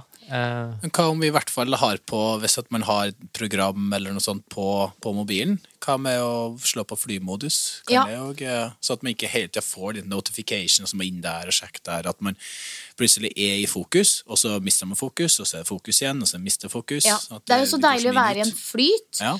og en sone, på en måte. Og, og det å liksom Jeg tror at folk tenker Det er jo veldig mange som bruker mobilen på trening, så jeg vet at folk blir veldig fornærma når man snakker om at man ikke skal gjøre det. Men jeg tenker jo at det, det, er, det er jo fordi man tenker at nå har jeg liksom tatt eh, og jobba så hardt at nå fortjener jeg å scrolle litt. Og så gjør man det liksom sånn Man mister jo flowen. Da. Det merker jeg. jeg gjør det selv, og jeg mister jo flowen i treninga. Ja. Jeg syns vi skal gå litt hardere til verks, Tommy. Jeg synes ikke vi skal, Du og jeg skal, vi skal prøve oss. Ja. Så Jeg skal jo holde en eh, eh, adventsyoga på Myrens 16. desember. ja. Torsdag 16. desember klokka 20.00. Og da er det litt sånn Da er det litt eh, introduksjon til meditasjon. Det er litt sånn slow flow, helt rolig yoga. Og så skal vi avslutte med det som kalles yoga nidra, som er en yogisk søvn. Der hvor du vipper mellom våkenhet og søvn. Som tar ca. 30-40 minutter. Så hvis dere er skikkelig ville og gærne, så er dere hjertelig velkommen dit. Det er åpent for både medlemmer og ikke-medlemmer for øvrig. hvis det er noen andre som vil komme. Um, men ellers så kan jeg jo egentlig anbefale det uansett å søke opp en yoga nidra og prøve en sånn Det er skikkelig dybdeavspenning hvis man kjenner at man har behov for å liksom roe helt ned. Masse næring og nærvær, og i tillegg få litt uh, uh, påfyll. Energipåfyll, så er yoga nidra også veldig fint. Ja, jeg er gira på å teste. Jeg vet at eh, jeg, det er jeg som har foreldreansvaret på torsdag kveldene. Mm. Men, eh, men og det skal jeg si høyt nå, sånn at jeg er opp. hvis ikke jeg får gjort det, så kommer jeg til å leie inn deg til en PT-time i yoga, Silje, for jeg vil teste det skikkelig. Ja, Det jeg vil utfordre deg på, Tommy, som du og jeg skal gjøre, og nå må vi prøve. Ja. Nå, er det, nå er det julestri, og det er liksom litt mot jul. Ja. Fram til julaften Ja. Skal vi holde hverandre ansvarlig, så prøver vi oss på ti minutter meditasjon hver dag. Å, Hver dag. hver dag, ja. Hver dag, ja. Det er sju dager i uka, det. Riktig. Og det, da kommer dere altså for å si sånn, det er, det, er, eh, det er et stort steg, men da kommer dere til å kjenne på en effekt også. Og så tar vi en oppsummering etter vi har gjort dette her, når vi er her på podden også, hvordan vi syns det har fungert. Du må huske på at jeg ikke har gjort det her i det hele tatt. Jeg har, test, liksom- jeg har testa meditasjon si fire-fem ganger maks i mitt liv, sånn, hvor jeg har gjort det med en app. da. Ja. Så vi finner en app, når vi blir enige med Siljen etterpå, og så tester vi. Det var voldsomt. Ja. jo, Men, men det er bare ti minutter om dagen. Jeg kan prøve, jeg vet jo ikke helt hva dere har behov for, men hvis dere er gira på en sånn helt klassisk legge oppmerksomheten i pusten-meditasjon, så kan jeg prøve å finne en til dere som varer ca. ti minutter. Ja. Og så kan dere jo legge den i episodebeskrivelsen kanskje, når den legges ut, hvis andre vil gjøre det òg. Ja, Jeg skal se hva jeg ja det er finner. kult. Ja. La oss gjøre det. Er du, tar du utfordringen? Ja, jeg tar utfordringen. Jeg gjør det. Jeg kjente litt på, på den når det var såpass det er ikke, Ti minutter er ikke så mye i løpet av dagen, men det, det fokuset du skal ha Det skal være så enormt fokus de ti minuttene. da. Ja, men Ja. det er det. Du skal lære å sykle, så om du faller av og ikke holder balansen, det er ikke, Det går helt fint. ikke sant? Ja. Du kommer i hvert fall, Legg merke til disse hindrene, hva som er ditt hinder. Om du Mm. er døsig, om du er rastløs, aversjon, det er sikkert aversjon på Ja, deg. det deg er det jeg rastløshet. Jeg er rastløs meg, det er garantert. Ja. Nei, men det er, det er spennende å finne ut, da. Ja, Nei, det blir kult. Kult. Tusen hjertelig takk, Silje. Veldig hyggelig å bli invitert, det må jeg bare si. Kjempetrivelig å ha Stor deg her. stas. Og det kan jeg også si, at uh, i forhold til dette med mindfulness i hverdagen, så er det jo også ikke sant, dette med å liksom avveie hva man skal si nei, ja og nei til. Mindfulness i forhold til å sette egne grenser.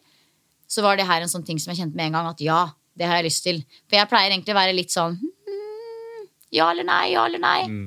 Men det her kjente jeg med en gang at jeg hadde lyst til. Så Det takk for invitasjonen. Ja, det setter jeg stor pris på. Og jeg merka nå siste, siste kvarter her nå, 20 minuttene, så har jeg måttet jobbe ekstra for å være til stede. Fordi jeg var så dum at jeg skrudde ned ovnen litt i stad. Er det noen som merker Ja, at det jeg, blir kaldere her? jeg sitter her og rister. Det blir kaldt på fingrene og sånn, så jeg kjente at det, Ja, det er litt kjølig. Og jeg måtte ha jeg, liksom fokus virkelig på å være til stede. Ikke liksom jeg sitter med lue og- ja, Så vi får skru opp varmen før vi går jeg herfra har i dag. Jeg litt på meg litt ull, da. Det hjelper. Nei, men eh, Tusen hjertelig takk, Silje. Vi eh, ses jo allerede i morgen vi da, på, på Myrens. Det er Så helt riktig. hyggelig. Tirsdag klokka 14.00. Da ses vi. Kjempebra. Tusen takk for at du kom. Veldig hyggelig å bli invitert. Ja. Tusen, tusen takk. Jo, Skal vi uh, lette opp dørene? jeg har man noe morsomt for det. Du er jo fra, du er fra Skien. Det er riktig. Ja, Det var jo derfor du sa gærne i stad. Ja. For jeg har en hjemme som er fra Skien. Du også sier gærne. Ja. Har man noe morsomt å uttrykke de som prater ordentlig grenlandsk, for å lukke igjen døra? Lukke igjen døra. Kan du ikke ta og lukke igjen døra? Du må lukke igjen døra. Det er litt sånn. Ja, Først må du kjøre over en humpel. Ja. Ja. Det er da fartsstump. ja. Men i Brønnøysund så leter vi at døgnet. Vi leter døgnet. Ja, Mm. det gjør vi. Så uh, vi skal lete at døgnet på noen episode, og så skal vi uh, si velkommen til lytterne neste uke. Ja. Takk for at du hører på. Tusen takk for at du hørte på i dag. Og Takk for at du uh, sitter her med meg, Tommy. Setter jeg pris på. Jeg syns det er trivelig å være her, jeg òg. Ja, det er bra. Skal vi si ha det, da? Det gjør vi. Ja, bra. Ha det bra. Ha det bra.